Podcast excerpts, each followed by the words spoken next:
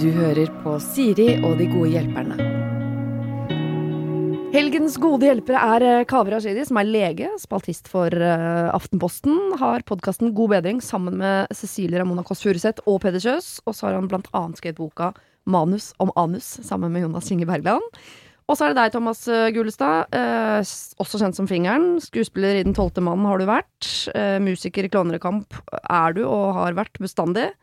Og så har vi sett deg på TV i Dansken og Fingeren, som jo også er en stund siden. Eh, jeg vil snakke om nåtid, da. Hva har dere gjort i sommer? Kan begynne med deg, Kaveh. Jeg har løpt etter en ettåring. Du løpt etter din egen, eller? Ja. Ja, Bra. Hvis ikke så har det vært veldig ekkelt. Det er naboen, så det er tricky. Nei, øh, vi har hatt familieferie i Oslo og hytteturer og sånne ting. Og det er første gangen jeg har gjort det med ansvaret for et annet menneske enn meg selv. Ja, og jeg blir usikker i stemmen din på om du syns det har beriket, eller om det har vært øh... Når jeg blir 70, så kommer jeg til å se tilbake på det og tenke at det beriket livet mitt. Ja. Men så når man står i det og bare har lyst til å sette seg, Ja. og aldri får lov til å sette seg, så blir man litt sliten. Ja, Det eh, stemmer veldig godt overens med en, en spalte jeg leste i avisen du skriver for, Aftenposten, at det å få barn er en investering i langsiktig lykke her og nå. Ikke det lureste man gjør. sånn Nei, det er kjedelig at man alltid setter pris på, på det som har skjedd, sånn ja. en, en stund etterpå. Ja. Det syns jeg er en eh, Jeg skjønner ikke helt hvorfor det er designa sånn, fra Vår Herres. Ja, for det er han, han eller henne eller hun som Fra evolu, eh, evolusjonen. Ja. Så det er utrolig rart. Burde Fordi det er jo Man skal jo tross alt eh, ikke sette disse barna ut i skogen og sånn. Det er ikke så vanlig kanskje det nå for tida, da, men eh, de ligger jo liksom tynt an, eh, mange av de barna. Ja. Så det Ja, de burde vært mer selvhjulpne sånn generelt sett. Sjiraffer kommer ut og løper med en gang. ja, ja. Mens barn uten tilsyn dør jo inntil de er mange år gamle. Og det kan du si fordi du er lege. Mm. Det sier jeg alltid til foreldrene som kommer til meg med ungen din. Så sier jeg på helsestasjonen. Kommer til å dø hvis du ikke Hvis du ikke passer på så har jevnlig tilsyn. Jeg ba- Jeg må bare si at For en uke siden så hadde vi innsendt et problem fra en dame som uh, ikke hadde barn, og var så lei av at folk som hadde valgt å få barn, klagde over det at de hadde barn. Så uh, vi skal være litt forsiktige med det. Eh, men jeg vet at det er veldig veldig vanlig at man eh, eh, har barn, men eh, eh, klager over at man har barn. Og så setter man pris på det når man blir 70, da. Det er helt riktig. ja. Jeg sier sånn Nå lager vi sommerminner. sier jeg sånn høyt. For å, utrolig klein ting å si, egentlig. Eh, Men eh, bare for å huske at det, altså, ja, dette kommer vi sikkert til å Dette må vi i hvert fall huske på. Legge, henge det på en sånn knagg. Ja, pluss det er litt sånn at man Jeg tenker man må få lov til å pine seg det må, være, det må være lov å klage over det. Altså, Det er litt Ja. sånn som med sykdommer også. Sånn, har du en amputert arm, skal få lov til å, å fortelle om det og klage over det. Men Hvor ofte er det selvvalgt? Det der med, eh, noen ganger må man kanskje velge å amputere en arm, eller? Ja, nei, unger også tror jeg aldri er selvvalgt i den forstand at du faktisk vet hva du går til. Ja, det er sant. Du får en unge, og så har du et bilde oppi hodet ditt av hva det den hverdagen representerer. Mm. Og så får du den, og så blir det sånn Ok, det var jo veldig bra, men det var absolutt ikke det jeg trodde det skulle være. Nei. Og så får man flere barn likevel, og så blir det enda en gang ikke akkurat sånn som man trodde. Så, Og sånn sett er jo alle de er jo Instagram blitt en utrolig bra reklamekanal for, for, eh, for barn, ja. for barn. Fordi det ser jo så utrolig harmonisk ut uh, overalt. Jeg så på din Instagram i sommer og tenkte fy faen, når barna mine blir litt eldre, ja, ikke sant? da skal vi finne en sjøhytte og bare ha 24-7 kos med voksne. ikke noe stress. Jeg regner med at det var sånn det var Ja, det var kamera helt stille og rolig. Jeg har ikke hatt puls på over 70, jeg, så ikke tenk på det. Nei, jeg har jo gjort det samme som deg i sommer, så jeg, jeg har løpt etter folk. Ja. Ja. Og ropt og skreket. Ikke drukken. Hyttet med nevene. Ja. Så, eh, jeg har da to gode hjelpere her som syns det er litt deilig å begynne å jobbe igjen. Så at man faktisk kan sitte i hvert fall på en kontorpult i noen timer i løpet av dagen. Ja. Ja. Men dere har hatt en fin sommer. Veldig fin sommer. Det er veldig bra. Absolutt. Eh, første problem handler om eh, en liggeliste, og dere skal få velge selv om dere har lyst til å si om dere har noen gang skrevet en sånn liste. Eh, men det kan dere jo eventuelt da si senere, hvis det skulle friste. Her står det. Hei, Siri og de gode hjelperne. Jeg og kjæresten min har vært sammen i ett og et halvt år, vi har det fint, han gir meg mye glede, vi gjør mange fine ting sammen. Nå til problemet. Jeg er midt eh, i flytting til studiested, mens han skal bo et annet sted. Det er ikke snakk om lang distanse, altså. Han bekymrer seg mye over dette, at jeg skal begynne på skole, få nye venner, inkludert nye guttevenner.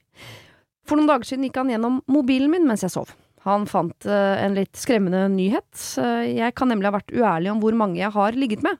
Og han fant en liggeliste, som for så vidt eh, var en flere år gammel chat med en venninne, og helvete brøt løs. Han er mer sur på meg for at jeg har ligget med altfor mange gutter i forhold til hva som er hans standard, og at dette er ekkelt, ufyselig, samt at jeg har jugd om dette. Jeg er ganske såra etter noen stygge gloser han kalte meg etter han fant henne i liggelista, mens eh, han er forbanna på at det har vært for mange peniser inni meg. Hjelp, dette er en stor floke, hva gjør jeg, skal jeg kaste han på dør? Kan også legge til at eh, han er ekstremt sjalu og kan noen ganger være litt smålig og kontrollerende, men jeg elsker han. Eh, ingen har gitt meg de følelsene han gjør før. Hilsen fortvilet jente. Skulle hun kaste ham på dør fordi han har funnet en liste som er en liste over ting hun faktisk har gjort og kan, burde stå inne for, med mindre det er snakk om tusentalls, da. Da ville jeg kanskje ha moderert det litt, men Hvis det er tusentalls, da uh, Ja, nei, da kan det kanskje være litt uh, skjønner at det er en påkjenning da, for uh, han. Ja. Men, uh, skulle gjerne ha visst antallet, merker jeg. men Nei, ja, har det, det noe å si? Ja, litt fordi jeg lurer på hva han syns er, er eh, grisete hvis hun, har sagt, og hvis hun har sagt to, og, og så er det åtte, liksom. Ja. Det er jo ikke veldig Nei, Nei, ikke sant, men er, hvis han har et problem med det, så får han stikke, da. Han får, jeg, jeg, jeg, dette er ikke hennes problem, det er jo hans problem. Hvis han syns det er kjipt at hun har ligget med mange mennesker, ja. så stikk. Ferdig med det. Ikke bitch på henne om det. Jeg skulle hun be han om å ta den avgjørelsen, da, for han gjør jo tydeligvis ikke det. Han sitter Ja, bare enten hjemme og være er fornøyd med den mengden vaginaen har jobba, eller finne en annen. han må jo være fornøyd med at han har fått uh, den dønn erfarne dama. Bare helt sånn tryllekunstner i senga. Det er jo Jeg tenker at det er jo Det er jo lyvinga da, som jeg Ja. kan støtte han i. At det er kjipt at hun har løyet. Ja, men er ikke det ganske vanlig at man ljuger litt, eh, pynter litt på sannheten sånn? Ja, og så tror jeg ikke akkurat på sex at det heter lyving, det er mer sånn skåning. Ja, ikke sant? Det er jeg helt enig i. Jeg tror de aller fleste er enige om at akkurat der så er lyving skåning, ja. Ja. Og det gjelder også sånn hva man har gjort, hvem, han har vært med, hvem hun har vært med. Bare keep it simple så lenge det er fortid, så Mm. få plass til det på en håndfull eller noe, så lar du resten av detaljene skli forbi. Ja. Men uansett hvor enige vi er om at det burde være greit og alt det der, så nå, nå vet han jo det han vet. Skulle Mm. antakeligvis ønske han ikke visste. Men er det noe hun kan gjøre for å liksom øh, vaske hjernen hans? Tid er Ikke liksom tenk som lege nå, for jeg vet Hvor at det mange, rent ja, men hvor mange har han ligget med? Det, er jo, Det betyr ingenting for han. Nei, men det burde jo Nei, nei. bety noe. Det er ikke sånn menn funker. Nei. det regnskapet går bare i én retning. Ja. Um, jo flere han har ligget med, jo mer eh, ettertraktet opplever han seg selv, og opplever han at kvinner burde Altså, dette er jo det, store paradokset i liggelister. Ja. Menn sine skal være lange, og kvinners skal være korte. Bak enhver manns ligg er det jo også en kvinne. Så det er jo Ja, ikke alltid, faktisk, men det blir en Nei, ekstra dimensjon som ikke hører hjemme i dette programmet. enhver. Jeg trekker det tilbake. Ja. Eller jeg endrer på det. Bak Mm. mange manns Men er, hun sier at han også han er sjalu, så i utgangspunktet så ville han antakeligvis hatt problemer med den lista nesten uansett hvor lang den var, for han liker jo ikke tanke på at hun i det hele tatt har hatt en eneste penis inni seg, som Mm. hun syns er så eh, billedrikt å si. Eh, og, men hvordan skal hun trygge han på det? For jeg kan jo skjønne den 'jeg liker ikke at du har hatt andre enn meg'. Det må jo være noe hun kan gjøre for å få han til å liksom I hvert fall få en følelse av at 'men du er bedre'. Jeg har glemt alle de andre. Si akkurat det. Ja, Du er bedre. Det, det, jeg slutta å ha sex med nye folk fordi du, du har naila det. Dette var, det. dette var grunnen til at jeg hadde så sex med alle de andre, var for å finne en som var like god som deg. Det har hele tiden vært målet mitt. Det har vært Gjennom, eh? Min prøving og feiling. Ja. Ja. Er å, ja. Jeg syns jo han høres ut som en fyr som bør ryke og reise, da. Men at hun har litt sånn Stockholm-syndromet eh, Det er kanskje litt kraftig begrep, men eh, at det ikke er så veldig sånn kjernesunt forhold i utgangspunktet. Hvis han er veldig sjalu og sånn. Det kommer hun til å få testa nå helt på Ja, naturlig vis. Det blir faddergrupper, det blir kollokvier, det blir fester. Mm. Ja. Andre menn sine peniser kommer til å være tilgjengelige. Mm -hmm. Hvis de da frister, Ja. eh, så kan det hende at dette ikke var, var den beste. Jeg kan ikke skjønne jeg, jeg kan ikke fatte begrepet at andre menns peniser frister. Det syns jeg Men øh, ja. Men hva- Nei, jeg ser skal- kanskje det bare vil fade ut. La oss bare la det ebbe ut, liksom. Uh, Kanskje hun trenger å få litt avstand eh, fra han for å innse at eh, Har det fint uten? Hæ? Har Har, det fint? har det fint uten? Ja. Nå får hun jo litt avstand i og med at hun flytter til nytt, eh, nytt studiested, men hvis hun, la oss si at hun skal uh, gå for han, da, for det skisserer hun jo selv som en mulighet, og det virker jo som vi også tenker at det kanskje kan være lurt. Er det fordi han ikke takler at hun har ligget med så mange? Fordi han faktisk har snoka på mobilen hennes, eller fordi han generelt er en sjalu type? Det er jo to sider av samme sak, da. Det er en sjalu type som snoker på mobilen Ja. til dama, og som klikker over å se noe som han burde forvente å se. Ja. Um, Ja, fordi en liggeliste har hun sannsynligvis laget for lenge siden, vil jeg nesten anta. At eh, liksom, hun driver kanskje ikke med det. Eh, la, la oss ta det som utgangspunkt, da. Som jente vil jeg bare si at det er ganske vanlig å ha sånne liggelister. Jo, jo, men dette var jo i en eh, meldingstråd med en venninne. Ja. For en tid tilbake, eller sånn, var ikke det? Jo. Da skal du scrolle ganske hardt eh, for å finne frem til noe sånt, da. Ja. Så det, det må jo være Eller så kan han ha gått inn i meldingsinnboksen og søkt på liggelista. Men da er du liksom Ja. så Ja. Det, Uansett scenario her, så er det han som har et problem. han har et problem. Hun er helt rå. ja. Hun har jo draget. Ja, altså, jeg skal ikke sitte her og si at dette er en fyr du skal gå fra. Men det er klart at når du er på vei inn i nye studier, nytt studiested, det kommer til, som Kave sier, til å dukke opp andre peniser. Mm. og det, eh, dette høres ut som en type det kan være litt sånn slitsomt å være sammen med nå i den perioden hun er på vei inn i. Så jeg også er, jeg skeptisk til han typen. Ikke bruk for mye negativ energi på det der. Mm. Ha det fint hvis han der gir deg masse negativ, negative vibes. Så bare distanser deg litt fra det. Livet er for kort, ass. Ja, Det kan man alltid si. lista er for kort nå. Lista Jeg har ikke sett den, men vi syns lista di er for kort. Vi syns den skal bli lenger. Ja, det må du få hora opp litt, den lista. Tenk å bruke sine unge år på å bli gilta av en fyr for folk du har ligget med. Ja, nei, det det går ikke. ass. Og du får ikke vasket hjernen hans. Kan du bekrefte det som lege? Det går ikke an. får ikke vaska lista di heller. Den er som den er. Den er som den Ja. er. Ok, vi har snakket litt om baby i dag allerede. Uh, vi skal snakke mer om eh, det, for her er det en som eh, påstår at hun har et litt merkelig problem, men jeg tror det er vanligere enn hun skal ha det til. To ulike personer som står meg nær, skal ha barn snart, og jeg sliter med å glede meg over andres graviditet. Lurer derfor på om det er noe galt med meg. Misforstå meg rett, jeg er glad for at de er glad, det er bare ingenting med babyer jeg syns er spennende. Litt bakgrunn. Jeg er av det kvinnelige kjønn, rett under 25, har barn sjøl, og er generelt uh, en som har hatt lite med babyer å gjøre så langt i livet.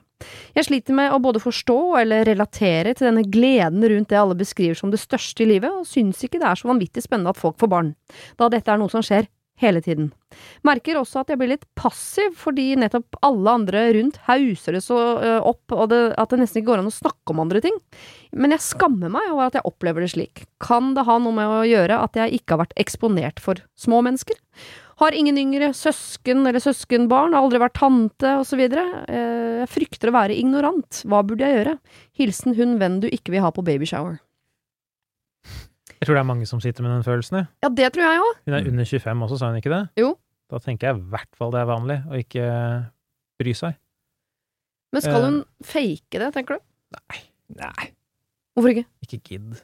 Ja, men hva Altså, jeg, jeg tenker at hvem er det hun skal overbevise, eh, på en måte? Eh, Jeg, jeg tenker jo de som skal få barn her, dette paret, må jo bare få holde på med greia si, eh, uten at det nødvendigvis på en måte påvirker henne nevneverdig, kanskje.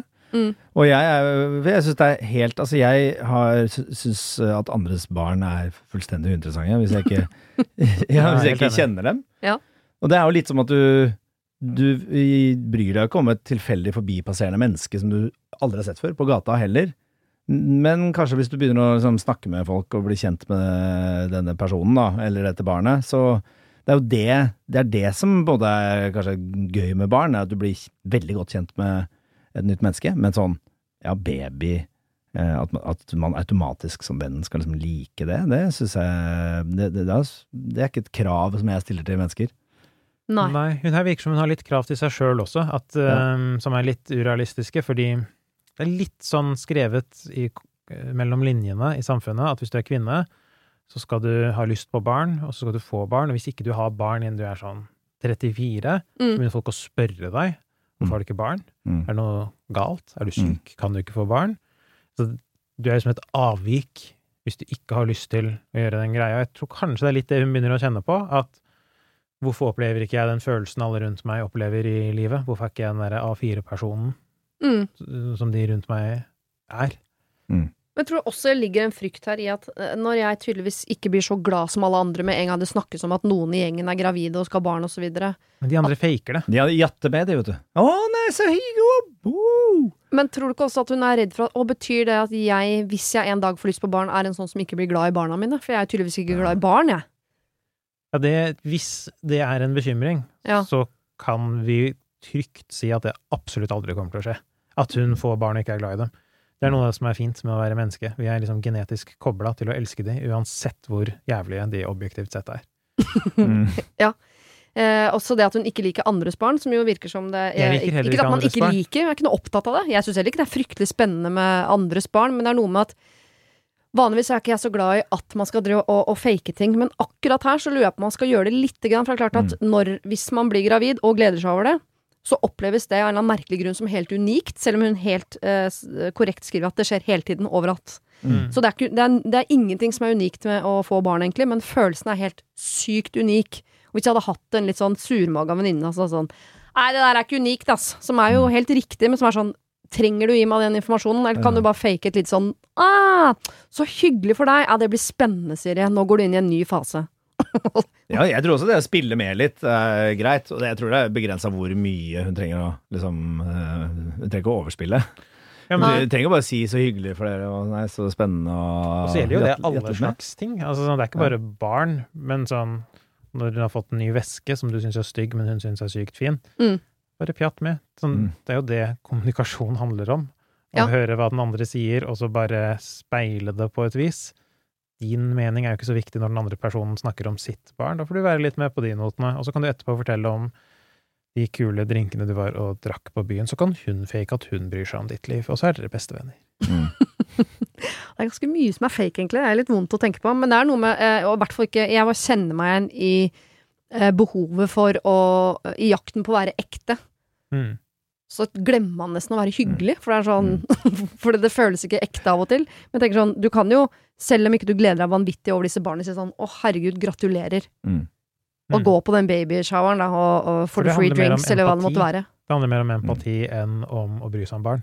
Ja. Om å bry seg om venninna di, og ikke om barna deres. Du kan få til det. Altså, du kan få til å bry deg uten å bry deg om barnet. Tenk på sånn. Mm. Som hun sier selv, du er jo glad for at venninnen din er glad. Drit i det barnet. Mm. Det kan jo ligge noe mer i det. Altså sånn, det er, for det er jo veldig et, markant sånn skille i livet. At øh, Da vi fikk vårt første barn også, så var det sånn nå, Da ble vi del av en litt annen type gjeng. Man sklir liksom ut av singelgjengen, og så over i eh, over i barnegjengen, og så håper man at eh, flere av disse eh, fra singelgjengen skal uh, pøkke på seg eh, noen barn, og bli, komme liksom over til den andre siden. Ja, Og det er jo litt sånn så tapet av, eh, av kanskje en venninne er jo kanskje noe av det som også henger litt med mm. uh, inni den pakka der, da. Ja, for man mister det jo en periode, for det er, ikke- Ja. man orker ikke å være med på for mye sånn. Det er en grunn til at barselgrupper også fins. man Mm. orker ikke å bli med på sånn gulpeprat hvis ikke man selv har noen som gulper hjemme.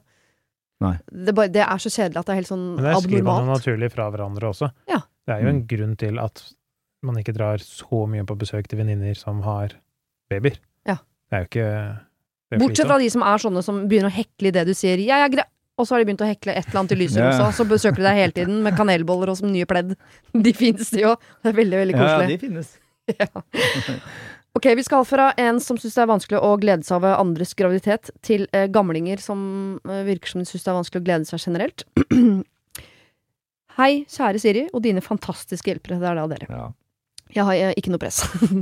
jeg har et problem som jeg har sittet inne med lenge, men eh, nå må det tas grep.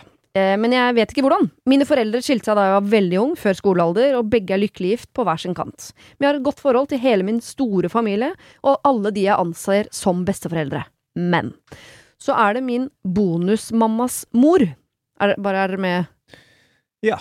Altså, hun som har giftet seg med pappaen, har jo en mor, ikke Ja, sant? ikke sant. Sånn, ja. Ste... Stebestemor. Svigermor. Herregud. Et eller annet. Hun er trivelig nok, for all del, men hun er en kvinne av den gamle skole, og med radikale meninger og holdninger som hun stadig ytrer på sosiale medier. Hun er rasist og homofob, og jeg kjenner det syder hver gang en av postene hennes dukker opp i feeden min. Det er alt fra samehat og snikislamisering til konspirasjonsteorier om covid-vaksine og hvorfor pride burde vært ulovlig å feire. Altså, jeg orker ikke mer. Halvparten av mine nærmeste venner er skeive og eller av utenlandsk opprinnelse, og de er flotte mennesker i verden, så nå har vi kommet dit at jeg ikke ønsker å ha et forhold til verken henne eller hennes mann, som har samme syn på det meste. Men hvordan gjør jeg det, da? Skal jeg ghoste? Skal jeg slette henne fra sosiale medier, og håpe vi aldri trenger å snakkes igjen? Skal jeg ta et oppgjør med henne og fortelle hvorfor jeg nå bryter kontakten? Jeg skjønner at jeg ikke kan endre livssynet til en kvinne på snart 70 år, men burde ikke hun få vite hvor, hvorfor jeg kutter kontakten, og, øh, og, som alle andre spør dere øh, om jeg er konfliktsky. Eh, og ja, det er jeg. Kall meg hva dere vil. Hun er 27. Oi, oi, oi, så deilig. Vet du hva jeg tenker? Mhm. Hun, øh, hun der øh, som hater alt, øh, trollet, kan vi kalle henne. Ja, absolutt. Hun har sikkert et utrolig lett passord til alle kontoene sine. Sånn tre. bikkje, navnet på bikkja og 19 et eller annet, Mm. 70, eller jeg vet ikke. Det kan hun lett klare å finne ut av, og så kan hun gå inn og så for alltid slette kontoen hennes. Det mener jeg ville vært en uh, hjulpet oss alle, Mm. og fått fjernet en sånn uh, jævel fra internett. Ja. Jeg tenker kanskje bare, hvis det ikke går, det er jo obviously plan A og beste måten å løse Ja. dette problemet på, men hvis det ikke skulle gå, mute, mute henne bare. Er det ikke det man gjør med nettroll? Bare ikke, ikke avvenn, Mm. bare den derre ignorer-knappen, sånn at det ikke kommer opp i feeden din lenger. Eh, Ut av sinn, ut av, ut av syn, ut av sinn. Det eh, gjør jo hennes verden litt mer rosa, men eh, det hadde ikke vært deilig å få sagt fra til de eh, som har disse holdningene om at man Ja. ikke syns det er greit, da? Mute dem i virkeligheten også. Nei, Ja, men det vil, jo ikke, det vil jo ikke funke. Det er det som, hadde, det, hadde jeg hatt et snev tro på at denne dame som snart er 70, kommer til å endre seg, så hadde jeg vært pro det. Men det, det kommer ikke til å funke. Det er ikke noen sjanse. Nesten 70. Hun er satt in her ways. Ja. Og dette er jo ikke én avvikende skadelig tanke. Hun, har jo, hun er jo i Det er jo alt. Det er jo hele hennes En vesen. flora Ja. av øh, ja. Hun liker nesten bare seg selv. Antageligvis ikke det heller. Men øh, jeg er enig i at ikke hun kommer til å endre seg, selv om det er litt trist å gi opp det håpet. Men selv om hun ikke endrer seg, så er det jo greit at hun får vite at folk i hennes nærmeste krets, folk hun er glad i, eh, folk hun anser som verdige på denne planet, yter motstand mot det hun, hun mener, da. Fordi mm. ja, bare så hun ikke eh, sitter på sin egen tue og tenker det jeg skriver og det jeg mener er sånn det Men er. det gjør hun, hvis hun blir konfrontert også. For hun har blitt konfrontert. Hun er på Facebook, hørtes det ut som. Det er masse folk der som kommer til å krangle mot henne. Ja. Hun har hørt alt du kan si. Men kanskje de som krangler mot henne, er sånne folk som det er lett for henne å avfeie sånn åh, Ja, men så tenk, Birger på eldresenteret, han er jo helt ko-ko allikevel, så det er klart at han ikke skjønner dette. Men Mm. når plutselig øh, stebarnebarnet ja. sier ja, men du, dette er jo øh, feil. Spørsmålet er om hun liksom, ja, respekterer dette stebarnebarnet i det hele tatt. Om Hun liksom bryr seg om noen andre enn sin egen mening. Det jeg tror ikke sånne ut. folk respekterer folk ut ifra nærhet eller slektskap. Jeg tror hun respekterer folk som har samme synspunkt som henne. Mm. Ja. Så øh, hvis du hadde kledd deg ut i en Sylvi Listhaug-kostyme, Mhm. gått hjem til henne, og så sagt, vet du hva, det der er et sånt spill jeg gjør for mediene, men egentlig så burde vi like alle mennesker like mye, Ja. så hadde du kommet gjennom. Det der er jo et kjempeforslag. Ja. Mm. For da hadde liksom helten din endra mening. Mm. Mm. Men nå, eller en eller annen meningsfelle, adminen i den Facebook-gruppen, en eller annen hun respekterer meningene til, Mm. må, må, må snu. Mm. Ok, da gir vi opp hun gamle dama, men for altså stebarnebarn 27, er det ikke litt deilig å vite at man i hvert fall har sagt fra, liksom? Hvis du har behov for det. Jeg hadde ikke hatt behov for det. Jeg hadde tenkt en mindre person å bry meg om, og så prøve tidlig på juleselskap og sånn, og Mm. sette meg langt unna. Mm. For ikke å trenge Da har jeg lyst på den ettåringen, ikke sant? Som bare er sånn Har du lyst til å begynne å snakke om Mm. pride? Sorry, ettåringen min løper der borte, jeg må løpe etter den. Ja. Perfekt. Har du ikke, er det ingenting i deg, Thomas, som gjør at du får lyst til å Jo, jeg tenker at hun kommer til å måtte forholde seg til trollet litt sånn nesten uansett. Da. Det blir liksom vanskelig. Altså, det vil sikkert oppstå situasjoner flere ganger da, hvor hun ikke klarer å liksom vike helt unna. Mm. At eh, kanskje du burde lade opp uh, snippsekken sin med noen gode argumenter, eller noen spørsmål for å liksom komme til bunns i hva, hvorfor syns du uh, at det er så fælt, og hvorfor er pride hva er Mm. ja, Altså bare sånn stille sånn fem uh, hvorfor-spørsmål for å komme til bunns i det. Altså finne, kanskje lade opp noen gode argumenter. Så jeg vet jo at jeg, altså jeg er jo konfliktsky selv, så jeg, det, mitt eneste våpen er på en måte å være sykt godt forberedt hvis jeg skal konfrontere noen i min familie som er litt eldre og litt konservative konservativ i eh, nebbet sitt, Ja. eller hodet sitt. Så det, og det føler jeg funker ganske greit, hvis jeg er, liksom, er godt, skikkelig godt forberedt, for jeg vet du må liksom sette, legge opp taktikken, litt som en debatt. Du må legge opp taktikken på forhånd, for du vet litt hva som kommer til å komme tilbake. Mm. Ja. Og så bare ha noen sånne skyts.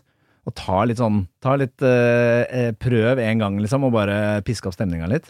For da, man må jo sitte igjen da med en viss følelse av Ikke sånn, Man vet at ikke man har redda verden, men man har liksom bretta opp armene litt, liksom. Ja, jeg tenker at eh, det, det er det verdt. Det er verdt å gjøre det forsøket. Ja, så det herper jeg, jo stemninga i bytter, jeg bytter lag. Jeg er med på ett et, ett Ett anstendig forsøk, Ja. som er planlagt og dagdrømt, gjerne. I sånn du, må sitte hjemme og se for deg sånn ja, men når jeg sier det, så kommer hun sikkert til å si det, og da skal jeg si det. Mm. Gang. Ja, for det er lurt med litt planlegging, for jeg, jeg er også Ja. ganske konfliktsky, men jeg har ikke noe stamina på noe. Så på et eller annet tidspunkt så eksploderer jeg uansett, Ja. eh, og det er litt dumt. Da burde jeg egentlig Jeg, har jobba på Vita-lageret på Alnabru i min ungdom en hel sommer, hvor det jobba en uh, rødhåra fyr som hadde noen ekstreme meninger, som jeg gikk og hørte på hele, hele sommeren, liksom. Vi kjørte jekketrall og hørte på rasistiske eh, holdninger hele, hele sommeren, og jatta med og svelga unna, liksom. Helt til plutselig en dag eksploderte og, og skrek at han var Hitler oppi fjeset hans. Så da må jeg innrømme at jeg skulle ønske at jeg heller hadde planlagt noen sånne gode argumenter underveis der. For da blei det jo vanskelig å gå på jobb etterpå, men eh, vi fant ut av det. Så jeg bare tenkte, før hun eksploderer i en konfirmasjon og skriker Hitler i fjeset til stebestemor, så kanskje hun skal blokkere på Facebook, selvfølgelig, men også si ha noen gode spørsmål neste gang de havner i en sånn uh, pride-diskusjon da, over en bløtkake på et eller annet tidspunkt. Ja, hun kanskje hente ut litt uh, av meningene eh, fra Facebook før hun liksom blokker, da. Eller hun skal ikke blokke, for det, det blir jo synlig, men må mute. Men oh, ja. gå inn og som, hente ut de liksom, nøkkeluttalelsene til hun trollet. Ja. Først, sånn at hun har liksom det, det i hvert fall. Hun må, må hente ut liksom det, så hun klarer å danne seg et bilde av uh, hva trollet uh, mener, og Ja. hvordan hun mener ting. Mm. Det er ikke noe jeg forventer av, hjelperne mine at de skal ha kunnskap om, men eh, å mute noen på Facebook Vil vennene dine kunne se at du har en i kretsen din som mener, og så videre? Skjønner du hva jeg mener? Bare hvis du kommenterer på den personens ting. Ok. Ehm, hvis du muter, så, så bare er det som om du har sletta den personen. Ingen andre oppfatter at den personen er slettet. Ja. Og den personen ser deg som en venn, og den personen ser dine posts. Det er den konfliktsky måten å slette folk på. Ja. Det er å mute. For da Det er ghost, ser, ser det ut som han er kjempegode venner fortsatt. ja, ja. Ok, Du skal få lov å ghoste henne, du trenger ikke å slette eller forklare hvorfor, men hvis det dukker opp en diskusjon i et familieselskap på et eller annet tidspunkt, så har du eh, lest deg opp på noen sånne eh, ting som hun har sagt tidligere, og har noen gode sånn oppfølgingsspørsmål som du kan slenge tilbake i fleisen hennes ved en gyllen anledning. Vi skal over en annen, apropos konf eh, konfirmasjon og dårlig familieforhold. Skal vi bare fortsette på den linja der? For her er det en som har gjort nettopp det som vi har sagt at hun ikke skal gjøre i forrige problem. For noen måneder siden så kutta jeg kontakt med min mor og min stefar, av veldig mange gode grunner. Kort sagt har hun alltid vært veldig vanskelig, og det er mange som ikke har orket mer og brutt kontakt med henne. Etter at stefar kom inn i bildet, har ting bare blitt verre. Så til problemet. Vi, altså jeg og min mann, er nå invitert i konfirmasjon, noe jeg antar at også min mor og stefar er. De som har invitert, er informert om at vi ikke lenger har kontakt, de er de eneste i familien som vet. Men jeg valgte å ikke si noe om hvorfor, da jeg ønsker at eh, ting skal være minst mulig komplisert for alle parter. Jeg nevnte for de at eh, om noe blir vanskelig på grunn av dette, og de føler at de må velge, så er det meg de skal velge bort, og ikke mor. Når de inviterte til konfirmasjonen, sa de at de håpet å se oss der, og vi er nå veldig usikre på hva vi skal gjøre. Og så har hun da heldigvis lagd en liste med for og imot. Hvorfor dra? Vi vil jo ikke være de kjipe eller vanskelige. Konfirmasjonen var faktisk, altså, nei, konfirmanten var ringebærer i vårt bryllup. Vi ønsker å fortsette relasjonen til familien det er snakk om, så lenge det ikke medfører ubehag for de. Vi har en liten familie ellers, og vi har også øh, venner og familie vi ikke har sett på lenge i den byen konfirmasjonen skal være i. Hvorfor ikke dra? Min mor er ganske spesiell, og det er ikke utenkelig at hun og min stefar kan finne på å lage oppstyr i konfirmasjonen hvis det ender med at vi eventuelt drar alle sammen. Det vil ikke være første gang hun lager en scene, og hun har heller ingen skrupler med å dikte opp de villeste historier for å rettferdiggjøre sin egen rolle i dette. Vi ønsker virkelig ikke at det skal bli noe styr, og jeg er vel også noe redd for at det kan bli vanskelig å se henne, eller eventuelt at det gjør det vanskelig for meg selv å fortsette å ikke ha kontakt. Jeg orker ikke noe mer vondt fra henne, egentlig. Det vi håper dere kanskje kan hjelpe oss med, er om vi skal dra eller ikke. Og hvis vi skal dra, hva gjør vi, hvordan løser vi det? Hvis vi ikke drar, hva skal vi si til familiekonfirmant? Vi ønsker ikke å få familien som inviterte til å velge mellom oss og dem, og vil derfor ikke spørre om min mor kommer. I tillegg tenker vi også litt på at det kanskje kan komme flere invitasjoner i fremtiden, og lurer da på om vi eventuelt skal dikte opp unnskyldninger hver gang, eller? Håper dere kan hjelpe oss her, vi er usikre. Kall meg gjerne Avril, for dette er complicated. Familie, ass. Åh. Dette er framtiden! Nei da. Magefølelsen min, sånn umiddelbart, sier at selvfølgelig skal du dra. Ja. Hvorfor skulle du tillate at et troll ødelegger en opplevelse du har lyst til å ha? Mm. Så tror jeg kanskje i sånne scenarioer at man bygger opp et slags uh, bilde inni hodet sitt av hvor fælt noe kan være. Så er det egentlig ikke det. Jeg tror det der marerittscenarioene om at det blir, som blir en scene, og at det, det tror jeg er litt mer oppi hodet til folk enn at det faktisk reelt kommer til å skje. Ja. Det virker som du har erfaring med at det har skjedd tidligere, da. Så det er ikke sånn Ja. Ja. Men min uh, magefølelse sier det diametralt motsatte. Jeg tenker at uh, styr unna. Konfirmasjonen er dritkjedelig uansett. og snakk med den uh, konfirmanten. Ja. Gi noe konvolutt med penger, og så altså. kan de heller finne på noe annet utenom den konfirmasjonen. da. Så det er Altså, men da må To man jo på- helt, Hva? Det er rådene. To helt motsatte. Ja. Så du må bestemme Jo, men begge to lener seg på en viss form for konfliktskyhet. For det er ingen av, selv om forslagene er helt forskjellige, så er det ingen av de som medfører noe som helst dialog med verken eh, familien til konfirmanten eller sin egen mor. Nei, men familien til konfirmanten fortjener ikke å bli blanda inn i dette. Nei. De, de fortjener å få lov til å ha konfirmasjonen sin, og jeg syns de har gjort det eneste riktige. Eh, De inviterer de menneskene som står dem nær. You guys figure out of it, liksom. Ja, Det er enig. fint. Og så er det jo heller spørsmålet om man skulle sendt en melding til moren og spurt Kommer du, eller? Ja, Altså, bare- fordi eh, jeg, jeg tenker også det eh, kan man jo forvente at man skal gjøre, men hun har en slags frykt for Nå har hun endelig brutt med sin mor, Mm. og i det hele tatt åpne døra litt på gløtt der, selv om det er for å si fra at du skal lukke den enda hardere denne gangen, så har du åpna opp for en viss form for dialog. At det er det man Hvis man eh, i hvert fall kjenner en hvis du har klart å holde noen på avstand lenge, så er det så utrolig lite fristende å gå over til å si sånn Hei, du. Mm. Altså, Ja, selv om det mm, ja, Kanskje vi skal ta den praten nå, så hun slipper å dikte opp unnskyldninger for hver eneste invitasjon de neste hundre årene. Hvordan Ja. gjør vi det framover?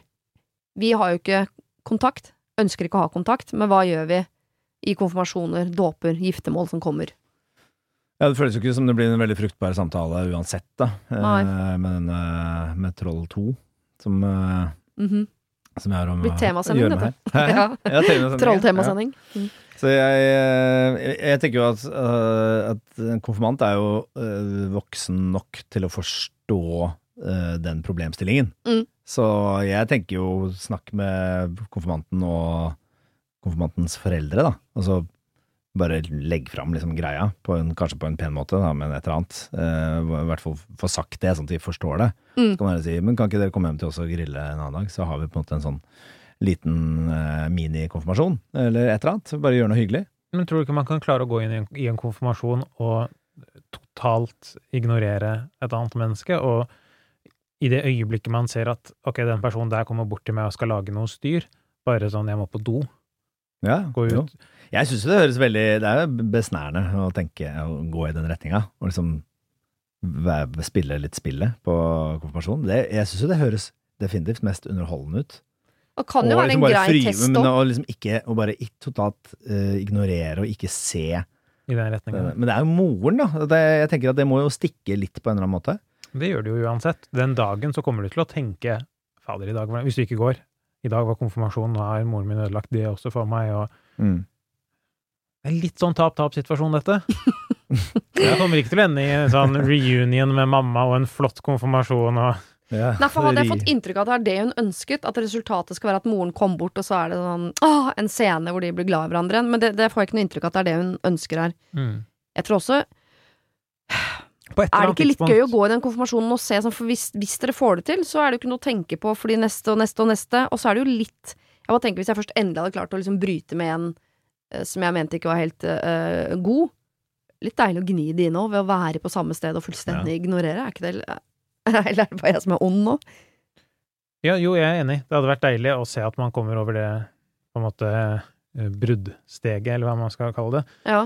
Men det kommer til å komme andre konfirmasjoner, eller andre events, hvor de Du kan ikke liksom dodge dette problemet hele livet, tror jeg. Nei. Jeg tror på et eller annet tidspunkt at du må klare å være i samme rom som henne.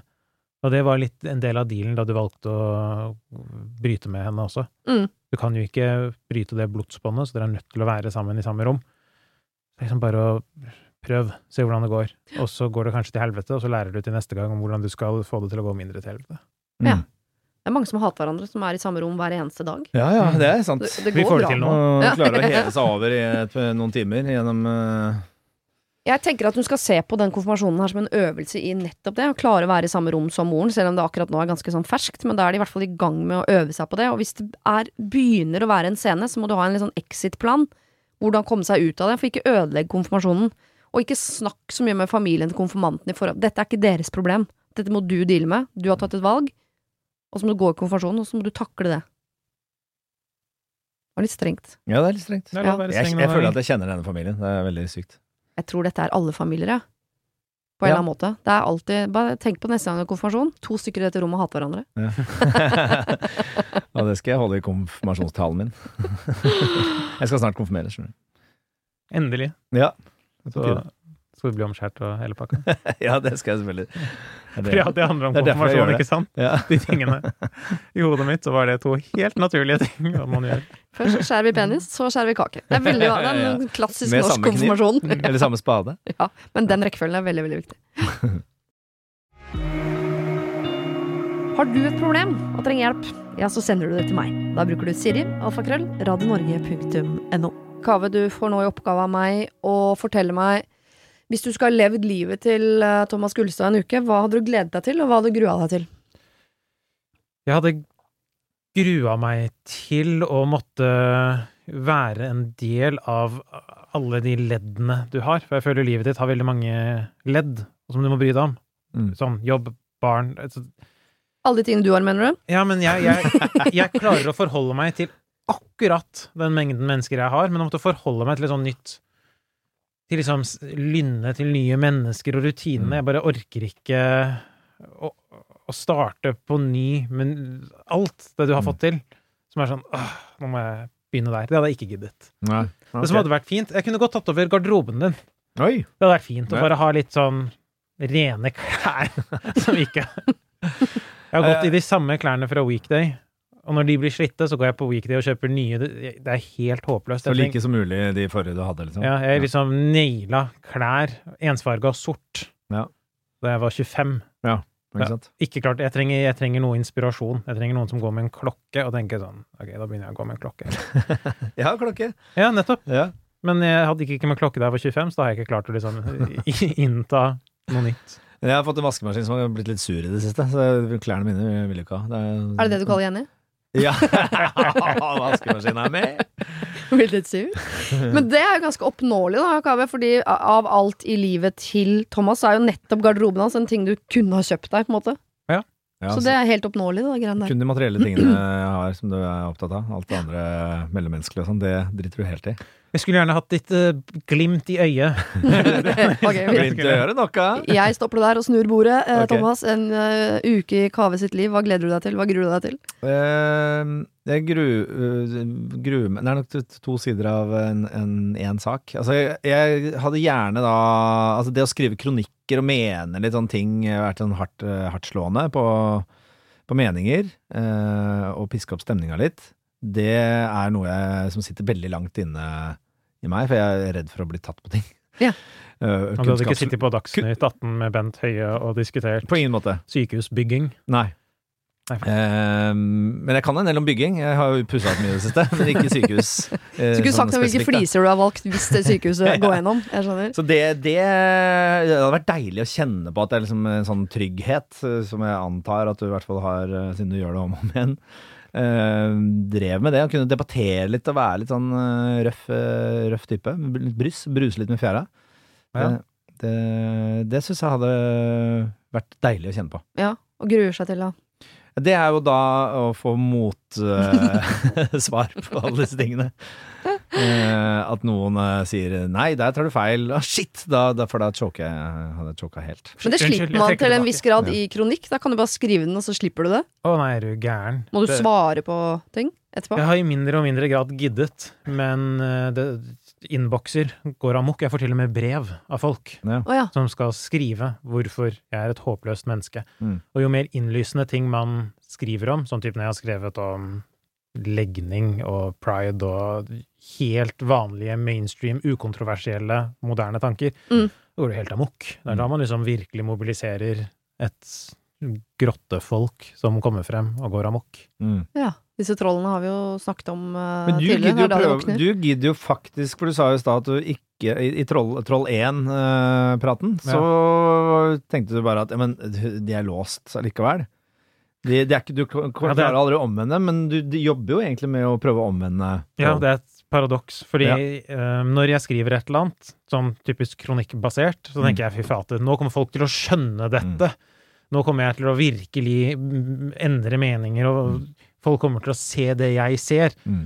Og så kommer kronikken ut, og så er det Jeg tror ikke jeg endrer meningen til noen, egentlig. Jeg tror bare det er de der samme to steile frontene som skal krangle med hverandre, og så sitter noen av oss i midten og prøver å Det er det man glemmer når man kommuniserer, at eh, man baserer seg på at det er fornuftige mennesker i andre enden, og det er det jo ikke alltid, Nei, det er jo ikke det. Og jeg lurer på hvem som tror, når de sitter og øh, denger løs på hverandre i kommentarfelter jeg tror de, Er det noen som tror på noe som helst sted at de skal klare å overtale, overbevise den andre? Tenker på det samme med debatter, som sånn politiske valgdebatter. Ja. Det hadde vært så kult en gang hvis noen hadde en partileder hadde vært vet du hva? Det var et godt poeng. Du, du gjorde faktisk en veldig god jobb der, Ja, ja. og det setter du, jeg pris på. vunnet, da- du hadde vunnet eh, parti, eh, debatten da. Det hadde vært gøy å se. Enig. Det har jeg det så lyst til å se. meg. Det skal jeg Ja. faktisk Det har jeg ikke tenkt på på den ikke måten. Det er jo Nei. perfekt. Vi gjør det sånn. At du skulle Mm. gjøre det med skattene, sier du, og så Ja, det er sant! Da hadde jo ah, Å, det hadde vært deilig. Mm. Åh. Ok, vi kan jo få noen sånne opplevelser her i dag, faktisk. Oss imellom. At vi klarer å overbevise hverandre om at denne løsningen går vi for. Eh, kanskje allerede i dette programmet hvor det står Jeg vet ikke om jeg har et direkte problem, men jeg trenger kanskje råd. Jeg og samboeren min har vært sammen i tre år, bodd sammen i ett år. Noen ganger føler jeg at jeg er lei han og trenger å være alene, noe som ikke går da han alltid er hjemme. Er det normalt å gå lei av kjæresten sin? Jeg svarer bare ja der, før jeg leser resten. Jeg trives veldig godt med å være alene, og føler jeg trenger mer alenetid for å føle på savnet. Noen ganger når han skal klemme meg eller kysse på meg etter en dag på jobb, vil jeg bare legge meg i sofaen alene. Er det et dårlig tegn, eller? Vi har aldri krangla om noe stort, og vi har det veldig bra ellers. Det er bare jeg som kan bli litt klagete når vi har tilbrakt for lang tid sammen. Kall meg gjerne Sofie, vi er 21. Er det, eh, dere kan jo svare på det jeg allerede har svart på, er det eh, normalt å gå litt lei av kjæresten sin? Ja. Ja. Og nå sa du ja for å være grei, du har aldri kjent på det, Thomas. ja, ja. det motsatte. Altså, hvis du ikke går lei av kjæresten din, Ja. det er noe galt med deg. Du Ja. skal jo ha, ha et behov for eh, alene Alle har et visst behov for alenetid. Mm. Og så er det litt ulikt hvor mye av det vi trenger. Mm. Så det gjelder å finne noen som passer deg fint på det der. Ja. Mm. Hvis du, hvis du er 24-7 med kjæresten, så skal du bli gæren. Eller med den samme kompisen eller den samme Fengsel, jobben. Ja. Ja, så begynner du å ta alt for, for gitt, og så blir det litt sånn uh, kjedelig. Må, ja, man må, jeg, synes, jeg elsker å ha uh, alenetid. Det handler vel ikke så mye om at jeg blir veldig lei av Jenny, men, eh, men eh, jeg syns det er litt deilig når hun tar seg en tur ut uh, iblant. Jeg kan være litt hjemme alene og drive dank på egen hånd. Det syns Ja. jeg er sykt deilig. Og så er det deilig å savne folk litt. og uh, ja, så jeg, jeg støtter 100 det at man får alenetid. Men hva, fordi eh, vanligvis i veldig mange situasjoner så, så får man jo den alenetiden helt naturlig, fordi man jobber ulikt og så videre. Eh, og tipper sånn som deg, Thomas og Jenny, som sikkert har masse forskjellige prosjekter på forskjellige steder. Du, Kave og kona har sikkert masse forskjellige ting dere gjør på forskjellige steder.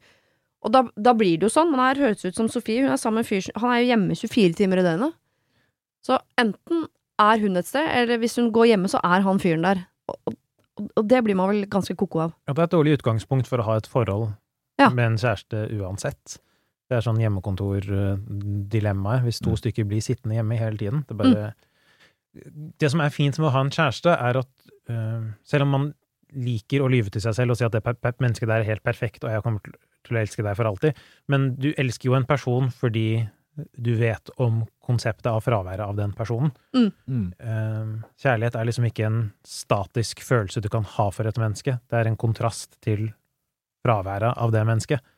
Så det må være en kontinuerlig trussel der om at det mennesket skal forsvinne eller ikke være der. Hvis du Mm. aldri har den trusselen, så kan du heller ikke elske den personen. Nei. Ikke sant? Du må ha sult for å elske mat. Mm. Ja. Ja, Men hvis hva, man- hvordan, hvordan skal hun oppnå det, da? Ja, jeg, altså, jeg hadde ikke lyst til å si noe etter det. Jeg hadde bare lyst til å lukke den boka Sette på og en fortsette på klassisk, teen. noe klassisk musikk og bare la, det, la folk sitte og tenke litt, uh, tygge på den karamellen. absolutt. Men det er jo Mm. rar radio, da. Fryktelig rar radio. eh, men hva skal Sofie gjøre for å oppnå det, da? Hvordan skal hun bli sulten igjen?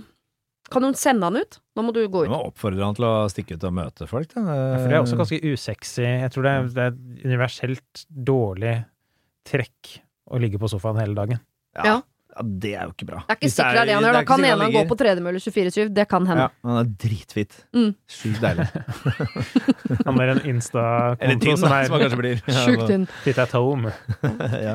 Men kan hun sende han ut? For det er så mange som tenker nei, det kan jeg jo ikke gjøre. Men man kan Kan vel ikke det? kjøpe noen konsertbilletter til uh, han og en kompis, eller uh, sånn. Og det, er da, det er liksom en gave også. Det er jo Men klovner spiller vi nesten ja. ja, jeg har til felles noen billetter jeg kan selge. Giveaways på slutten av Ja, et eller annet som på det by- Men jeg, jeg føler jo altså det å havne i sånn mønstre er farlig, så man må jo bryte mønsteret. mm. Ellers så blir alt for- forutsigbart og kjedelig. Så, Og så må man gjøre det litt langsiktig. Altså En konsertbillett er en midlertidig, det fikser kanskje den helga, og Mm, så ja. savner du han. Men sånn Du må ha en mann som Eller en kjæreste som både elsker å være med deg, men også har et veldig sterkt behov for å gjøre egne greier. Mm. Ja. Og han her mangler tydeligvis den ene av de to. Hobby. Altså Oppfordre han til å få seg en hobby. Litt tidkrevende Hvordan hobby. sier man eh, det? Ja, for det er noe med hun må formulere dette på en måte som får han til å forstå at dette handler om kjærlighet. Mm. Ikke sant? Fordi hun er jo redd for å ta det opp, for det virker som om hun er jo redd for at hun er lei av han og ikke vil være sammen med han, og da er det jo vanskelig også å formulere det annerledes. Hun må bare skjønne at dette handler om Dette er kjærlighet. At vi må fra hverandre for å savne hverandre. Mm. Ja, jeg syns bare skal spille av eh, det som Kave sa i stad, til Ja. han. Og da, da tror jeg vi forstår alt. Og så håpe at han etter å ha hørt det får lyst til å begynne å spille aktivt bordtennis eller noe. Jeg Ja. håper at han ikke tar seg nær av det, da. For jeg kan jo skjønne at hvis dama hadde Nå er jeg ofte på jobb, men hvis dama hadde kommet bort til meg og vært Vet du hva? Jeg har hørt om en sånn realityshow i Italia som er i tre uker. Du har ikke lyst til å melde deg på det, kanskje? Og så får vi den avstanden vi trenger for å kunne føle sult for hverandre igjen. Mm. Jeg hadde jo blitt ganske fornærma. Men hadde du dratt? Mm. Ja, jeg hadde jo det. Da hadde jeg tenkt yes, Da er vi i mål, da. frikort. Jeg kan få alenetid. Ok, Om du foreslår tre uker i Italia eller en, en eller annen hobby i nærheten, et eller annet du må få fyren ut av huset, men gjør det med kjærlighet. Eh, vi skal over til et annet parforhold som har et annet problem. Det er Monica som sender inn. Hun skriver Jeg eh, hører på podkasten hver uke. Fin informasjon å ha. Eh, og eh, føler ofte at vi kvinner stiller, eh, stilles slik at vi ikke vil ha sex, men at det er dere menn som alltid vil ha det. Men det er ikke der jeg er, altså. Jeg er kåt på typen, men jeg syns han er den flotteste som er. Men han selv syns han ikke er fin. At han er overvektig og vil derfor ikke ha sex. Jeg syns det er vanskelig at han ikke ser det jeg ser, og jeg er ikke noen supermodell sjøl. Vi har vært sammen i over tre år, og jeg håper at dette er riktig for meg. Jeg har øh, barn, og han er fantastisk med dem. Jeg er redd for utroskap, det har jeg tidligere opplevd det. Jeg er selvfølgelig redd, og har ikke så høy selvtillit selv. Altså, her, her har hun skrevet i det, alt som er slitsomt akkurat nå, men Mm. hun er sammen med en mann som selv er ukomfortabel i sin kropp. Men hun syns han er jo kjempedeilig, og har lyst til å ligge med han Nå legger jeg på hele tiden, det vet jeg ikke. Eh, men hvordan skal hun overbevise han om det? Og det er tøft. Mm. Mm. Og så er det litt sånn tables turned, fordi man er vant med å høre dette, denne problemstillingen i omvendte kjønnsroller. Ja. Mer stereotypiske kjønnsroller, da. At Mm. det er kvinnen som er usikker, mens mannen bare er et puletryne. Mm. Um, si det? Jeg kan kjenne meg igjen i det der være usikker på egen kropp-greia, men så vil jeg jo si at for veldig mange så vil den kåtskapen bare eh, slå av alt annet. Mm. Ikke sant? For i det hele tatt å ha sex er jo en veldig ekkel ting, sånn objektivt sett. Men så Mhm. har vi den greia inni hjernen vår som, som på en måte skrur av all sens av sånn skam og lukter og smaker. Alt blir bare sånn fuck Mm. it! Mm. Kåthet tar over. Ja. Mm. Så kanskje et eller annet her, hvis, hvis han bare klarer å få skrudd av sine kritiske sanser, sin selvkritikk Mm. og alt det derre det, tenkende vesenet, og gå over til å bare være et følende vesen Mm. i en, et par minutter om dagen. Ja. Mm. Bli litt mer eh, animal. Ja. Ja. Alkohol er et verktøy noen bruker. altså hvis du bare lurer, knuser noe Viagra eller at du hiver oppi drikken hans, Ja. Så kan det jo bli riktig så god stemning. Men da har vi jo kanskje løst akkurat det der, den sexbiten. De eh, sju til ni minuttene eh, to til tre ganger i Mm. uka. Eh, men hva med hans selvfølelse? Det hadde vært fint hvis Monica fikk mannen sin til å, å, å på en måte forstå at hun syns han er flott, selv om han ikke syns det. Og at han kanskje syns det selv på et eller annet tidspunkt. Mm. Ja, hvordan skal man få en person til å endre liksom For det sitter sikkert veldig dypt i han, da. Mm. Uh, om man opplever seg selv som ikke pen, så er det jo nesten ingenting som klarer Altså, jeg, jeg går rett på sånn Da må han ha psykolog i et år for å jobbe med selvbildet sitt. At det, det, problemene kan sitte så dypt, da. Ja. Ja. Nei, jeg tenker Ja, det er det er det eneste jeg tenker også. Parterapi. Eh, Men eh, Eller Altså, det kan være fint å gjøre det sammen, da. For Ja. å liksom være sammen om det. Men eh, en eller annen form for terapi. Eller, dessverre, det kjedelige svaret trening. Men hvordan kan man, noen få noen til å begynne å trene? Det eh, uten å liksom virkelig fornærme, det vet jeg ikke. Ja, for man skal ikke kimse det, det, det handler ikke nødvendigvis om å bli penere av å trene, men for min del så er det ofte sånn Jeg øh, hørte deg si det også, jeg føler meg jo sterkere og penere 15 minutter etter den første treningsøkta jeg tar, Mm. når det ikke har gått et par uker, og, jeg og så er det åh, den ene treningsøkta var sånn, fy flate, Ja, ja. nå var det- det litt stramt der, og det er jo bare bare i huet. Mm.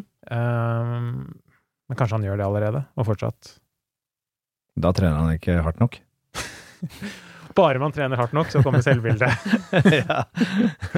Ja, det er sånn eh, eh, typisk råd man eh, får fra folk som er glad i å trene når man ikke er det sånn. Ja, det er bare å begynne å trene. tenker man. Det er ikke bare å begynne jeg å er trene, ikke noe men glad i å trene. Å nei. Nei. Nei. Eller jeg er glad i å Jeg er ikke glad i å telletrene. Sånn løfte masse jern og, og telle. nei. Men å spille altså, sånn tennis og noe som er, noe jeg kan vinne. Eller tape, da. Ja. Det, det er morsomt. Ja, men, kanskje det ikke er så dumt at Monica og mannen skal begynne med Det er jo bra uansett at de skal begynne med for eksempel tennis, som Ja. er et spill hvor de to må uh, konkurrere. Hvor det sikkert oppstår litt sånn flørting, fordi mm, flørting handler jo veldig ofte om å erte hverandre. mm. eh, Da må hun ha bytte litt på makt. Ja, hun må ha tennisskjørt. Mm. Ja. Og hvis han slår henne i tennis, eller, uh, og de blir svette og så må gå og dusje og komme hjem Mm. derfra, kan le litt av liksom, ha-ha, du var dårlig, eller du var god, eller I det ligger det jo masse sånn seksuelle undertoner, og han også, som du sier, det utløser noe sånn åh, jeg har trent i dag, nå er jeg ganske deilig, selv om det har hatt null Ja, innvirkning på Du får ut endorfiner, eh, endorfiner i hjernen, og så får du eh, også skrudd av den der kritiske sansen din litt. Ja. Du er jo in the game. Ja, for det er ganske lett sånn Det er vanskelig å si Du, skal ikke vi dra og trene sammen? Det føler Altså sånn eh, Mm. på sats. Da føler ikke han seg Det- noe penere enn han Det føles unaturlig Ja. å gjøre, sikkert. Men kan ikke vi stikke og spille tennis sammen? Det er jo bankers. Mm. Eller er vi, hva er den mest eh, seksuelle sporten man kan eh, bedrive sammen? Er ikke det tennis, Bortsett fra keramikk. det er kanskje ikke en sport. Dobbeltkeramikk. Ja, Um, nei, men jeg tror det er tennis, jeg. Nei, det er jo stønnesporten. Korte skjørt og stønning. Ja, er kort, Vi kan ikke begynne med beachvolleyball, de to, liksom. Det blir jo stusslig. Ja, mye serv og lite eh, voldsomt, blokk. ja. Men tennis er litt høyterskel, da. Utstyr og bane Ja, men det er sånn. ikke så mye Ja, det, men det er ikke så mye utstyr eh, man trenger for å spille tennis, faktisk. Jeg tenker at det er sånn rikmannssport. Det er det jo. Det stigmaet har i hvert fall den sporten. Men det er ikke så mye som skal til for å begynne. Det er, trenger ikke så dyre nei. og greier. Nei, Det er dyrere å drive med cross, som man jo ikke ser på som en rikmannssport, på en måte. Det er jo motsatt. Cross, ja. Ja. Ja, sånn, å ja, sånn, ja. Du tenker på crossfit? Motor, motorcross? Motor ja. Ja, ja. ja. Jeg sier bare crosset. Ja, det er kult, det. Men, ja, men det er jo et veldig konkret eh, råd, da. Og det er jo en Mm. bedre om det også. Jeg vet ikke om jeg trenger hjelp, jeg trenger råd. Ja, Begynn med tennis. Mm. Du kan bare begynne med tennis, ja. Det er bare å begynne med tennis, ja. Og hvis han ikke er en sånn fyr som har lyst til å spille tennis, så kanskje han er en sånn fyr som blir trigga at du sier sånn Tipper jeg slår deg i tennis, ass. Ja, ikke Mm. Ikke faen, tenker han. Og så står han der i kortskjørt sjøl, klar for en runde. Og føler Ja. seg sexy. Prøv på det. Den som taper, må gå i kortskjørt en hel dag. Det kan være en fin eh, Ja. kicker. kicker Ja. Ja. Det tror jeg faktisk er løsningen på dette problemet. Vi skal over til noe hvor det er, veldig deilig å ha en eh, lege på dette problemet, for overskriften er 'Stump røyken', og det er jo noe alle leger applauderer, vil jeg tro. Hei, jeg bor i tomannsbolig, delt horisontalt. Hvem var det som hadde eh, problemer med lengde og breddegrader? Jeg har det, men Ja. horisontal og vertikal klarer jeg greit å skille. Horisontal er da eh, Tenk på en horisont, altså Ja. det er en linje som ligger. Vannrett, på en måte. Jeg bor sammen med familie, samboer og tre små barn, nyfødt to og fem. Under oss bor det en dame som har en del utfordringer, og følges tett opp av hjemmesykepleien. Vi har et greit forhold, vi, men den sosiale evnen er noe redusert. Hun er ikke i stand til å gjøre noe med vedlikehold, som vi er opptatt av, og vi har derfor gjort flere ting som er hennes arbeid, altså klippa plenen hennes, fjerna store busker som vokser over, og vaska huset hennes. Hun har nå fått seg en kjæreste. Han røyker. Han er der hele tiden, og han røyker syv røyk på rappen, gjerne ti ganger om dagen. Han sitter rett nedenfor vår terrasse, og soverommene til barna er rett overfor. Vi har ikke mulighet for å ha vår nyfødte på terrassen til soving, barna kan ikke leke på terrassen, og vinduene må være lukket. Og jeg holder på å klikke, spesielt nå om sommeren. Hva kan vi gjøre? Kjæresten er nok lettere psykisk utviklingshemmet og har et alkoholproblem og lav sosial kompetanse. Hjelp! Hilsen frustrert mor.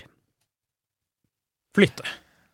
Jeg vet det, det er det som er løsningen. Konfliktskyet selv sier at Altså, det er en sånn horisontaldelt uh, tomannsbolig rett oppi høyre fra der vi bor. Ja. Og vi har hørt historier fra tidligere naboer og sånn også om at sånn annethvert år så flytter andre etasjen, fordi første etasjen er et gammelt par som er helt umulig å ha med å gjøre. Ja. Så det, det der høres jo Dette er programmet for å hjelpe folk, men det der høres hjelpeløst og håpløst ut. Hvordan skal du få en person til å slutte å røyke fordi barna dine eh, trenger det? Ja, De syns sikkert at de barna er drittirriterende, og at det lager masse lyd og sånn. Mm. Så de syns det er digg at vinduene blir lukka. De røyker sikkert bare For å røyke dem for inn? faen for å Ja. Han røyker egentlig ikke, han sitter bare med røyken i hånda. Ja, ja. Sånn. Mm. Jeg bare går og tenner ut syv røyk, jeg. Og så sitter han der bare og holder de. For jeg regner med at dialog ikke er noe vits i å foreslå engang. Sånn type banke på hos naboen og si sånn du, vi har barn, og all Mm. den røyken, den setter seg jo i luftveien, og de hoster, og Ja, Man kan jo sette på en gigantisk vifte, altså sånn skikkelig dritsvær vifte, sånn som de har inne i tunne- biltunneler. ja, får det montert ned en sånn, ja. Sånn Ja. tunnel... eh. sånn Så med en gang de sku- tenner en sigg, så bare Så eh, setter de på den eh, vifta. Så får du, kanskje de tar hintet, da, i hvert fall. Men det er jo lov. Det er det ikke for at En ting er jo Ja, dialog er alltid løsningen, men ikke hvis i andre enden av dialogen så, så er det helt natta. Da går det jo ikke. Mm. Og heller ikke sånne ting som Noens problemer er sånn 'jeg vil at noen andre skal slutte å røyke på grunn av meg'. Det går ikke. Jeg vil at katten til naboen skal slutte å tisse i bedet. Nei, Mm. det, det, men det går, det, det går ikke. Uh, og her, det, jeg ser ikke noe sjanse for at han skal slutte å røyke fordi dere har lyst til at han skal slutte å røyke. Nei, For det er sikkert jo- ma- mange skulle som han bry altså- seg om dere? Det fins jo mange grunner til at han burde slutte å røyke, men de har han tydeligvis ikke hørt på, og da hører han ikke på naboen. Nei. Så uh, vift, flytting er selvfølgelig, men også vifte. Jeg så for meg sånn luftputebåt som de har i, utenfor, i sumpene i Miami og sånn. Ja. Kjøpe en sånn og sette den opp ned. Og Så er det liksom litt sånn overalt, da. Det, det, jeg kan se for meg at det der setter seg, den lukta, så Mm. at det er ikke bare akkurat når han røyker, og så røyker han litt foran, litt ved siden av huset, litt, det blir litt sånn overalt. Ja, Ja. men Tror du ikke han har sånn fast spot som han setter seg på terrassen og røyker liksom hele tiden? Ja, for da, da kan vifte Hvis du kobler en røykdetektor til en sumpebåt, Ja. sånn at hver gang eh, den kjenner at eh, nå kommer røyken, Så så, skrur bare skrur den seg på seg Og så hekter vi sumpbåten på en drone, sånn at den kan Mm. Ja, det er en teknisk eh, god løsning. Men man kan jo gå i dialog med sånn, vet du hva, jeg, jeg skal ikke be deg om å slutte å røyke og skjønne at du skal få slippe å ta hensyn til våre barn osv., men hvis vi lager en liksom koselig plass for dere på vestsiden av bygget her, mm. hadde det vært mulig for deg å sitte der og røyke? Ja, Dawn, det var en løsningsorientert uh, greie. Ja. Jeg stemmer jo for det forsøket. Ja. Men jeg har en følelse at det er, det er for langt å gå dit. Ja, men det er ikke Det er ikke så tilgjengelig. Han liker å bare gå rett ut på terrassen, eller hva det var for noe. Og, Ja, og så har eldre folk gjerne en eller annen sånn tendens Var det en eldre person, det også? Nei, nei, jeg tror ikke de er eldre. Eh, Jeg tenkte siden av hjemmesykepleie og sånn. Nei, men det er et eller annet med å kunne sitte på akkurat den stolen på akkurat det stedet med stolen, akkurat i den vinkelen på den tiden av døgnet. mm. Ja, men tror ikke det er fordi det akkurat den stolen sto akkurat der når han ble Ja, hvis det kjæreste er med det, akkurat henne. så, Mm. så tenker jeg bygg en røykebu til Ja. naboen. Mm. Ja. Bare ikke kall det en røykebu. Jeg tenker Prøv på det, det er den eneste dialogen jeg tror de skjønner, i og med at dere allerede har fått klippe plenen hennes og vaske huset og sier sånn Vi har lyst til å lage en koselig uteplass for dere som Ja, ikke er rett under soverommet til ungene, hvis det er greit for dere. Og vi sier sånn Nei, jeg vil ikke her! Da er det uh, sumpete og drone og det greiene der. Mm. Ellers er det faktisk bare å flytte. Mm. Sorry.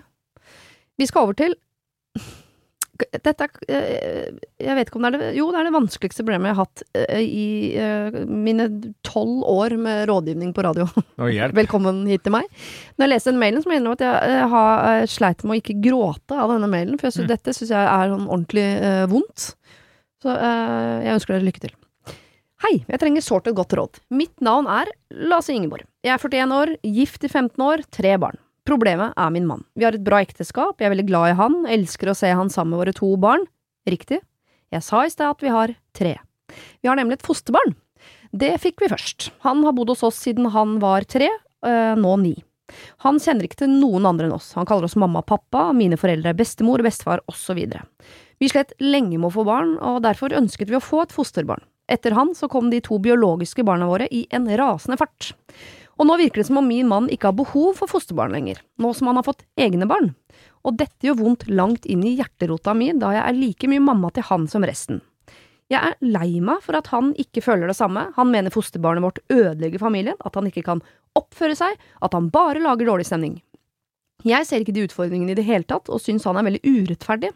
Dette krangler vi om, hele tiden. Jeg kjefter på han eh, når han kjefter på fosterbarnet, for så å løpe og trøste fosterbarnet etterpå. Dette går ikke. Jeg har gitt min mann beskjed om at hvis ikke dette går, ja, så tar jeg med alle tre barna, og så drar jeg. Det som er synd, er at uh, to barn, som han forguder, da ikke får bo med sin pappa. Jeg vil jo egentlig ikke skille meg heller, men nå er vi sånn, uh, blitt et sånt kjeftehjem, og det er ikke greit. Hva gjør jeg? Med vennlig hilsen Ingeborg. Hva gjør Ingeborg? Oh.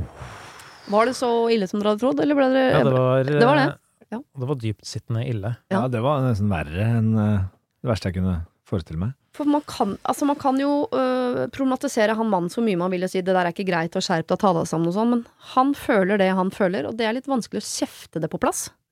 Ja, det er umulig å kjefte det på plass. Mm. Ja, Det har hun tydeligvis prøvd nok. Han føler ikke det hun vil at han skal føle. Mm. Eh, for én av tre. Mm. Det er kinkig. Og så er den så bra på de to andre. Altså Folk har jo favorittbarn av, sine biologiske barn. Altså det det man gjør jo forskjell også på barna. Eh, men her er det liksom så tydelig at det er fosterbarnet mot de to biologiske. Det må være så utrolig vondt. Ja, hvis det er komplett utfrysning, liksom, eller sånn helt natt og dag-behandling mellom de, det fosterbarnet og de to ekte, ekte barna. I, Og så er han helt direkte i dialogen og sånn 'dette er vanskelig, han ødelegger stemninga'. Altså Han, han foreslår å få ut han fyren på ni, mm. Men det, altså, hva, hva vil han, da, lurer jeg på? Han vil ikke ha fosterbarnet. Det, det er vel ikke et alternativ, er det det? De kommer ikke med noen sånn returlapp? Fosterbarn gjør jo det, da. Gjør de det? Ja, det tror jeg. Hva? Et fosterbarn? Jeg trodde man liksom Det er jo ikke et adoptivbarn. har prøveperiode en viss tid, og så Jeg syns jeg hører om at fosterbarn hopper fra familie til familie hele tiden. Ja, og den gangen, altså, han er jo veldig heldig som har kommet et sted hvor han har vært så lenge. Ja, ok. Ja, fordi da er det jo faktisk en han, Da har han presentert en løsning, da, tydeligvis, Mm, som er La oss si oss fornøyd med våre to biologiske barn. mm. Ja, ja. Men det er jo det helt umulig for. Ingeborg. Hun er mor til alle tre. I og med at hun er eh, Den har, har empati eh, og alt som trengs eh, på plass, eller hu, huet sitt på plass. Så Mm. jeg tenker bare kom deg vekk fra han dotten der. Da er det jo en jævla stygg fyr, da. Ja. Hun trenger ikke å være alene med alle tre barna for det. Altså, de to barna får jo da ha kontakt med faren sin da, og være der 50% og så og så får hun ha ado- eh, nei, fosterbarnet 100% For det virker som om hvis han vil ha henne, Mm. så kommer hun med tre barn. Ja. Det tror jeg må være på. Mm. Og så må han enten kjøpe den pakka, eller gå for alternativ nummer to, som er 50% av tiden med barna dine. Men den greia hans funker Det er på en måte hun som kan ha ultimatumet her. Mm. Han kan ikke si enten så får du en grinete mann som hater den ene ungen vår, eller så sender du vekk ungen vår. Mm. Det ultimatumet har han liksom ikke retten til å gi. Nei. Og jeg, jeg, eh, han må jeg bare innrømme, han driter jeg litt i, sånn, hvordan det går med. Eh, hun eh, jeg, driter ikke i henne, men hun må på en måte gjøre det som er best for alle tre barna. Så, det jeg liksom bryr meg om, det jeg liksom legger sjela mi at skal gå bra her, er jo de tre barna. Og hva er de tjent med? Er de tjent med, hvis vi tenker på fosterbarnet først, da, ni år gammel gutt, er han tjent med at han flytter ut og bor 100% hos moren, mens annenhver uke så forsvinner de to søsknene over til faren, for han liker de, men han liker ikke deg? Eller Ja. blir det bare enda tydeligere for han, sånn å ja, vi flytta vi fordi han liker ikke meg? Ja, men jeg tror det er mye lettere å venne seg til den situasjonen hvor ting på en måte er harmonisk, Mm. ø, enn at man skal bo i en sånn trykkammer ø, ø, hele tiden. Sånn som det jo er nå, hvor det, det er åpenbart at det er en konflikt som det ikke er noen løsning på. Mm. Da er det jo Da er det andre alternativet 100 millioner ganger bedre.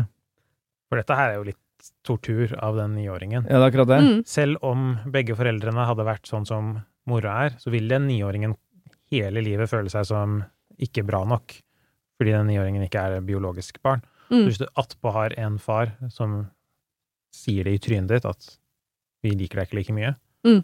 Du er jo bare nødt til å bli skada. Hvordan skal du komme gjennom det gjennom hele oppveksten? Ja, jeg mener at hun har dårlig tid på å stille det ut. ultimatumet til han, og eventuelt da bare komme seg ut. Og, mens denne niåringen da kanskje fortsatt kan reddes. Ja, for jeg liker å tro, kall meg naiv, men jeg liker å tro at barn kan takle veldig mye så lenge de får nok kjærlighet. Mm. Så hvis hun moren føler at hun har nok kjærlighet å gi til at de to sammen kan komme godt ut av det, så tenker jeg at de tre burde, bo alene, men så må hun jo da være utrolig smart med hvordan hun ordlegger seg i forhold til da fosterbarnet, hvorfor situasjonen er som den er. Og i hvert fall i forhold til de to andre barna, for hun kan jo ikke svartmale far helt, fordi de andre barna er jo der annenhver uke.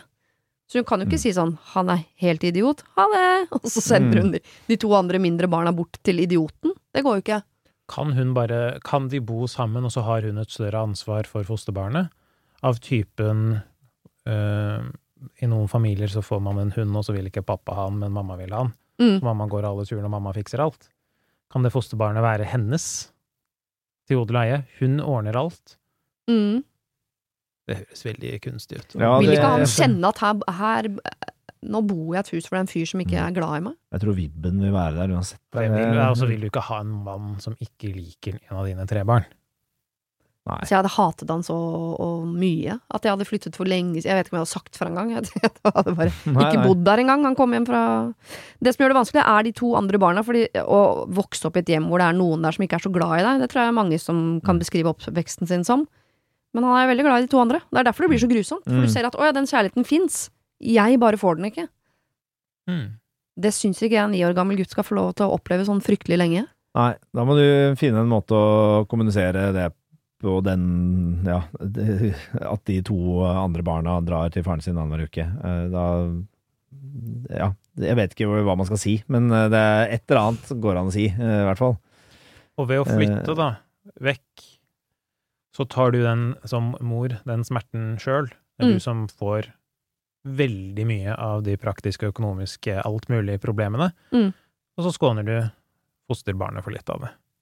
Ja. Um, men jeg tror ikke nødvendigvis at de to andre barna får det så mye verre i den nye familiesettingen, for det er jo ikke så stas og Det er ikke liksom optimalt der de er nå heller, det er jo kranglehjem. Ja, for det er ingen Det fins ikke løsninger på dette problemet som ikke mm, mm, kommer til å være rart for noen.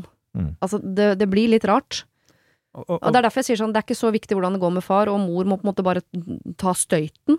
Og så må vi prøve å gjøre det så bra som mulig for alle tre barna, men de to søsknene kommer også til å synes det er rart at storebror får bli hos mamma. Kanskje innimellom vil bli misunnelige til og med, for de Mm. tipper den uka mamma og, og storebror er alene, så kommer de til å kose seg glugg i hjel. Det er bare de to. De blir jo et team. mm. Og så er det de to andre som bor i bag og flytter hit og dit og Altså, blir Altså, det blir skeivt uansett hvordan de løser det, da.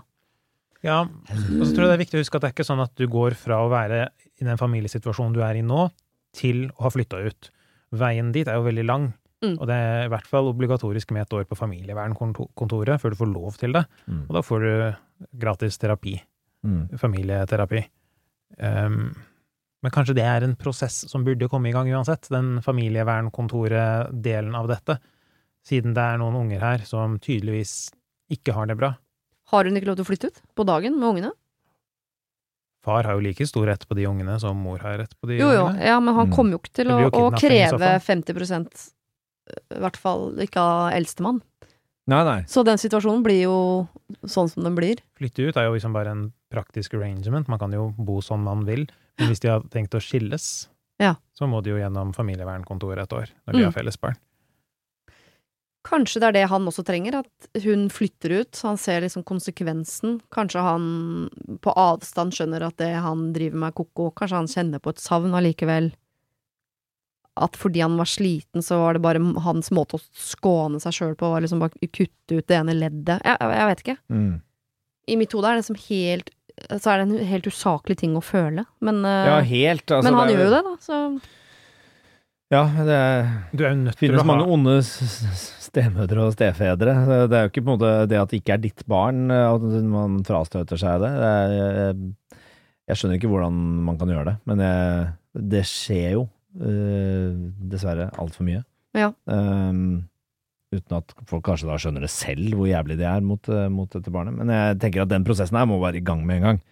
Hun må stille det ultimatumet, og hvis han ikke skjerper seg, så er det bare å sette i gang eh, prosessen, som vi kaller det nå. Og hun har lov til å kreve at han skal elske alle barna. Det er basic første Mm. bud for å være sammen med et menneske, er å elske barna til det mennesket. ja. Det må du bare gjøre.